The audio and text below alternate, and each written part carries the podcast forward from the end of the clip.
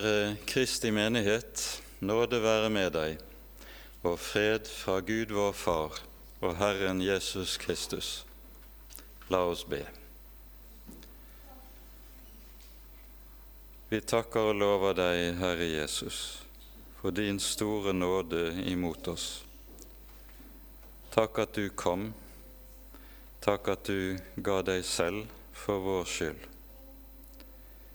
Nå ber vi, Herre, at du vil komme og være hos oss i kirken, være hos oss når vi er samlet i ditt hus, for at vi også må få høre din røst og få det livet som er i ditt ord. Herre, forbarm deg over oss. Amen. Det hellige evangeliet for aposteldagen står skrevet hos evangelisten Lukas i det femte kapittelet.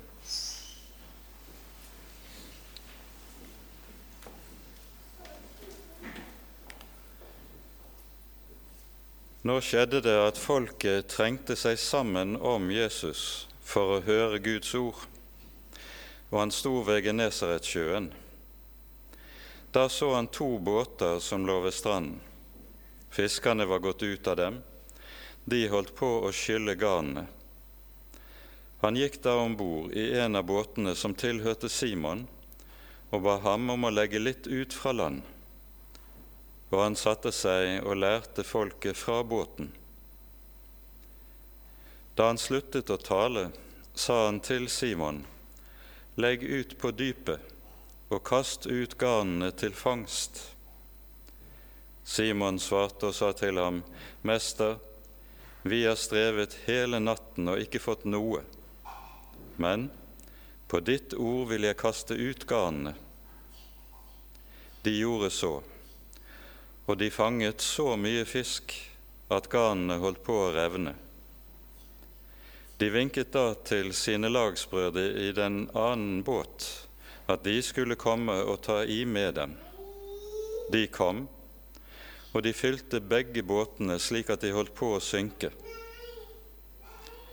Men da Simon Peter så dette, falt han ned for Jesu knær og sa, Herre, gå fra meg, for jeg er en syndig mann. For redsel kom over ham og alle dem som var sammen med ham, over den fiskefangsten de hadde fått.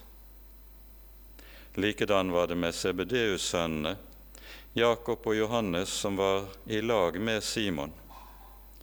Men Jesus sa til Simon, Frykt ikke, fra nå av skal du fange mennesker. De rodde da båtene til lands og forlot alt og fulgte ham. Dette var ordene, Hellige Far. Hellige oss i sannheten. Ditt ord er sannhet. Amen.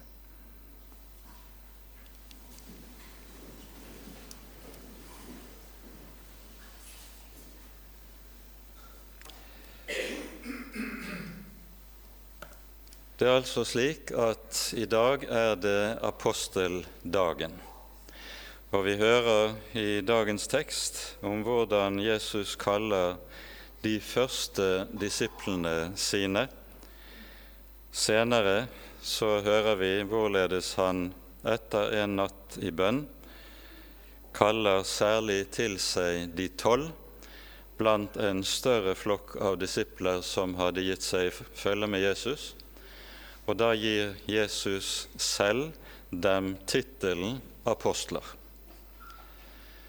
Og vi feirer altså aposteldagen i kirken i dag.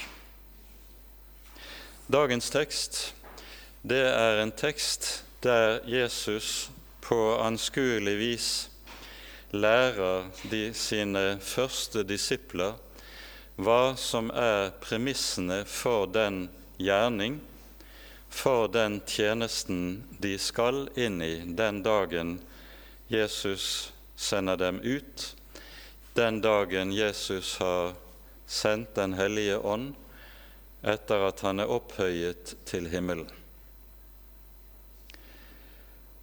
Og det Jesus vil lære disiplene gjennom dagens tekst, det er av så stor betydning at vi hører Jesus tre år senere, etter oppstandelsen, gjentar dette som vi her leser om.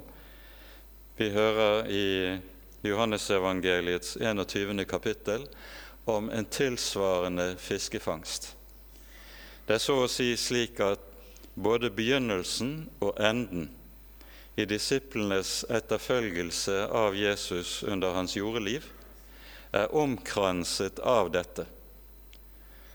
Og fordi dette er noe som både skjer ved begynnelsen og enden av disiplenes liv sammen med Jesus, er det at dette har en helt, helt særlig betydning. Peter og de andre som vi hører om i dagens tekst, de har møtt Jesus tidligere. De var, hadde alle sammen vært nede ved Jordan, latt seg døpe av døperen Johannes og hørt hvorledes døperen har utpekt Jesus som Guds lam som bærer verdens synd. Men Jesus har enda ikke så å si formelt kalt dem til disipler. Det skjer nå, i forbindelse med det som vi hører i dagens tekst. I begynnelsen av Jesu virke var det slik at store skarer samlet seg om ham for å høre ham, og også var vitne til hans helbredende gjerning. Og Jesu undergjerninger kommer til å få en helt sentral betydning for disiplenes tro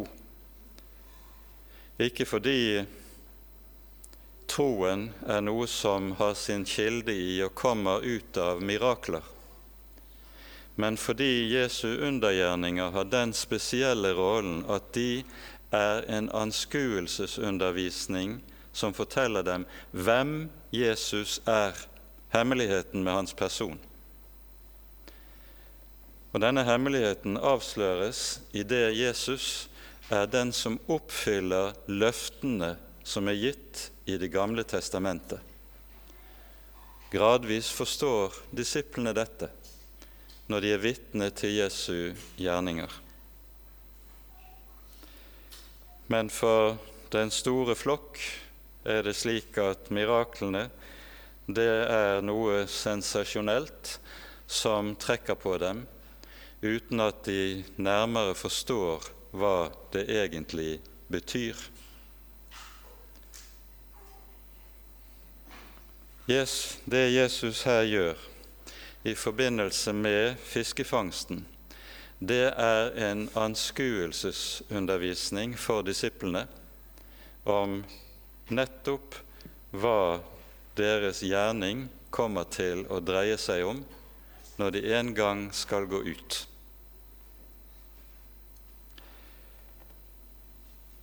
Jesus har fått låne båten til Peter. Peter er yrkesfisker.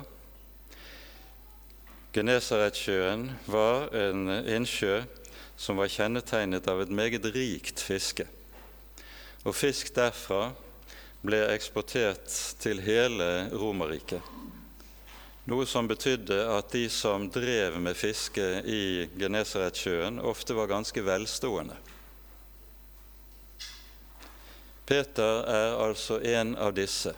Han er yrkesfisker. Fra barnsben av har han satt sjøben sammen med sin far i båten og vet hva fiske dreier seg om. Han vet hvor fisken bruker å stå i sjøen. Han vet godt hvilke tider det er mulig å få fisk. Og han vet meget godt at det Jesus sier etter at han har talt til dem. Det han sier når han, det lyder 'legg ut på dypet og kast garnene til fangst', det er den skjære dårskap. Som yrkesfisker vet Peter at dette er bare tull. I Genesaretsjøen får du fisk på helt bestemte grunner, som de kjenner meget godt. Fiskerne i Genesaret kaster aldri garnet på dypet. Dernest vet de fisk får man i Genesaretsjøen utelukkende om natten. Å kaste garnet på lyse dagen og på dypet Peter vet meget godt dette går ikke. Så vet han godt hvem Jesus er også. Jesus er vokst opp i høylandet, i en liten fjellandsby langt oppe i Galilea. Han har slett ikke greie på fiske. Han er tømrer. Og så kommer denne mannen som ikke har greie på fiske, og sier til yrkesfiskeren nå skal du gjøre noe som er fullstendig ufornuftig. Vi skjønner det absurde i situasjonen, og vi skjønner også derfor Peter sitt svar. Herre, vi har strevet hele natten og ingenting fått. Men på ditt ord vil vi kaste garnene til fangst. Det er på en måte som om Peter litt mistroisk skotter på sine kollegaer i de andre fiskebåtene og tenker dette her er ikke mitt ansvar. Men han har så stor respekt for Jesus at han likevel vil gjøre det Jesus sier. På ditt ord, Herre, vil jeg kaste garnet ut til fangst. Og så opplever vi de den store, store overraskelsen. Det som de aldri hadde forventet. Det som de ut fra sin årelange erfaring vet er umulig, det skjer likevel. De får en fangst større og rikere enn det de noensinne har opplevd. Og så snur det hele for dem på ditt ord, Herre. For når Jesus så etterpå sier til dem, fra nå av skal du fiske mennesker, så skjønner de en sak. Når de skal i gang med menneskefiske, kan det utelukkende skje på disse premisser. På ditt ord, Herre. Når de skal fiske mennesker, så er det akkurat som med denne fiskefangsten. De kan ikke stole på egen erfaring. De kan ikke stole på egen, egne overveielser og egen klokskap. De er nødt til å gjøre nettopp dette som Jesus vil lære dem ved denne anledning. På ditt ord, Herre og så sette til side alle andre innvendinger.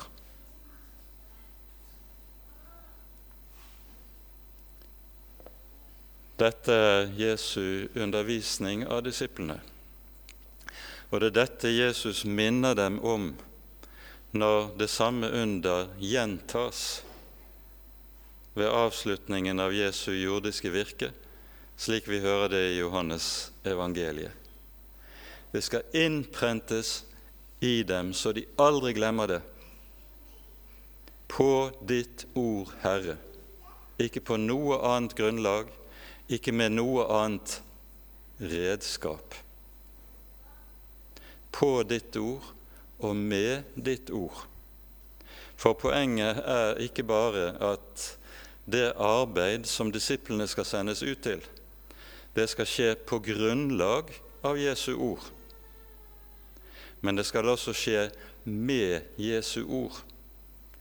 Jesu ord er det redskap, det middel, det verktøy som de får i hendene for å arbeide og utføre tjenesten i Guds rike.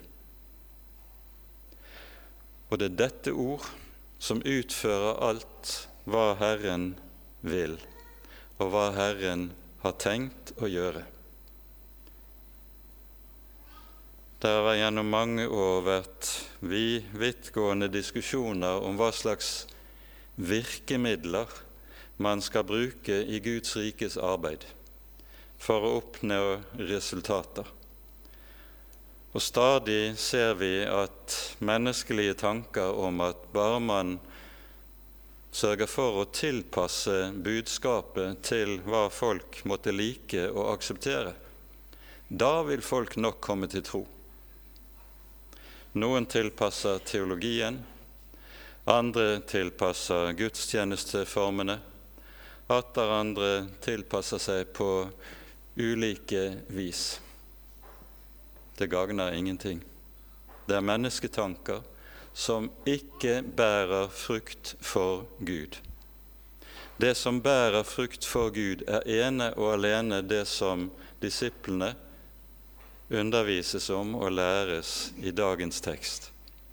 På ditt ord, Herre. Med ditt ord, Herre. Og Derfor hører vi også i apostelgjerningene når disiplene begynner på sin gjerning etter pinsedagen. Og vi hører om det fortelles om de ulike menighetene som etter hvert blir til som frukt av apostlenes forkynnelse og gjerning, så sies det Herrens ord fikk makt. Herrens ord får en overbevisningskraft som gjør at det får blir det som så å si blir det som styrer over hjertene, det som råder i hjertene. Det skapes en overbevisning som har tatt hjertene til fange. Og så får ordet makt. Det er disiplenes gjerning. Det er det Guds rike og Guds kirke er satt til å gjøre. Men for at Peter skal komme dit hen, må han gjennom en annen erfaring en erfaring som slett ikke er behagelig. Vi hører resultatet av dette under, hvordan det virker på Peter. Det står at han fylles av frykt, faller ned for Jesu føtter og sier, 'Herre, gå fra meg, for jeg er en syndig mann.'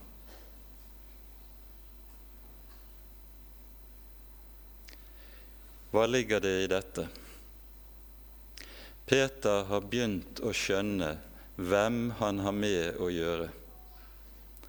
Han som ser ned i dypet, hvor fisken har sin gang. Han er den som også ser ned i dypet, i mørket i menneskets hjerte. Intet er skjult for han. Du vet hvordan det er med deg selv.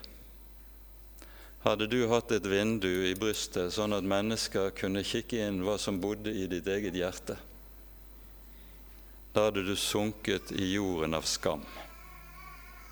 Sånn er det. Men Jesus ser. Jesus har et sånt vindu inn i ditt og mitt hjerte, der han ser alt. Intet er skjult for han. Og når et menneske begynner å se og erfare det, da kommer nøyaktig samme reaksjonen som hos en Peter. Herre, gå fra meg, for jeg er en syndig mann. En skammer seg inderlig over å bli sett som det en er. At det blir sett, det som bor i mitt eget hjerte. Sånn er det med hvert menneske som får med Gud å gjøre. Og et menneske som ikke har denne erfaring, han har aldri hatt med Gud å gjøre. Du er sett av den allvitende og hellige. Har du med Gud å gjøre? Eller er du fornøyd med å leve slik at jeg er nå ikke verre enn andre mennesker? Jeg har nå prøvd å gjøre mitt beste, og så skal alt likesom være i orden. Da har du aldri hatt med Gud å gjøre. Men den dagen du begynner å ane og erfare noe av det Peter erfarer, da har du fått med den levende Gud å gjøre. Og da vet du at det er bare ett håp, nemlig at Han som har sett meg, Han som vet hvem jeg er, at Han ikke reagerer sånn som mennesker gjør når jeg avsløres i min skam, avsløres med alle mine feil og mangler. At han ikke gjør slik som menneskene gjør, men tvert om kommer og rekker meg nåde, forlatelse og oppreisning. For dette er den store hemmelighet i evangeliene. Jesus er synderes venn. Det er det Peter etter hvert lærer å få erfare.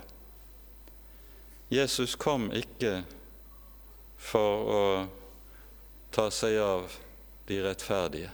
Han sier, 'Det er ikke de friske som trenger lege, men de som har ondt.' 'Jeg er ikke kommet for å kalle rettferdige, men syndere, at de skal bli frelst.' Nå begynner Peter å erfare hva det innebærer for sin egen del.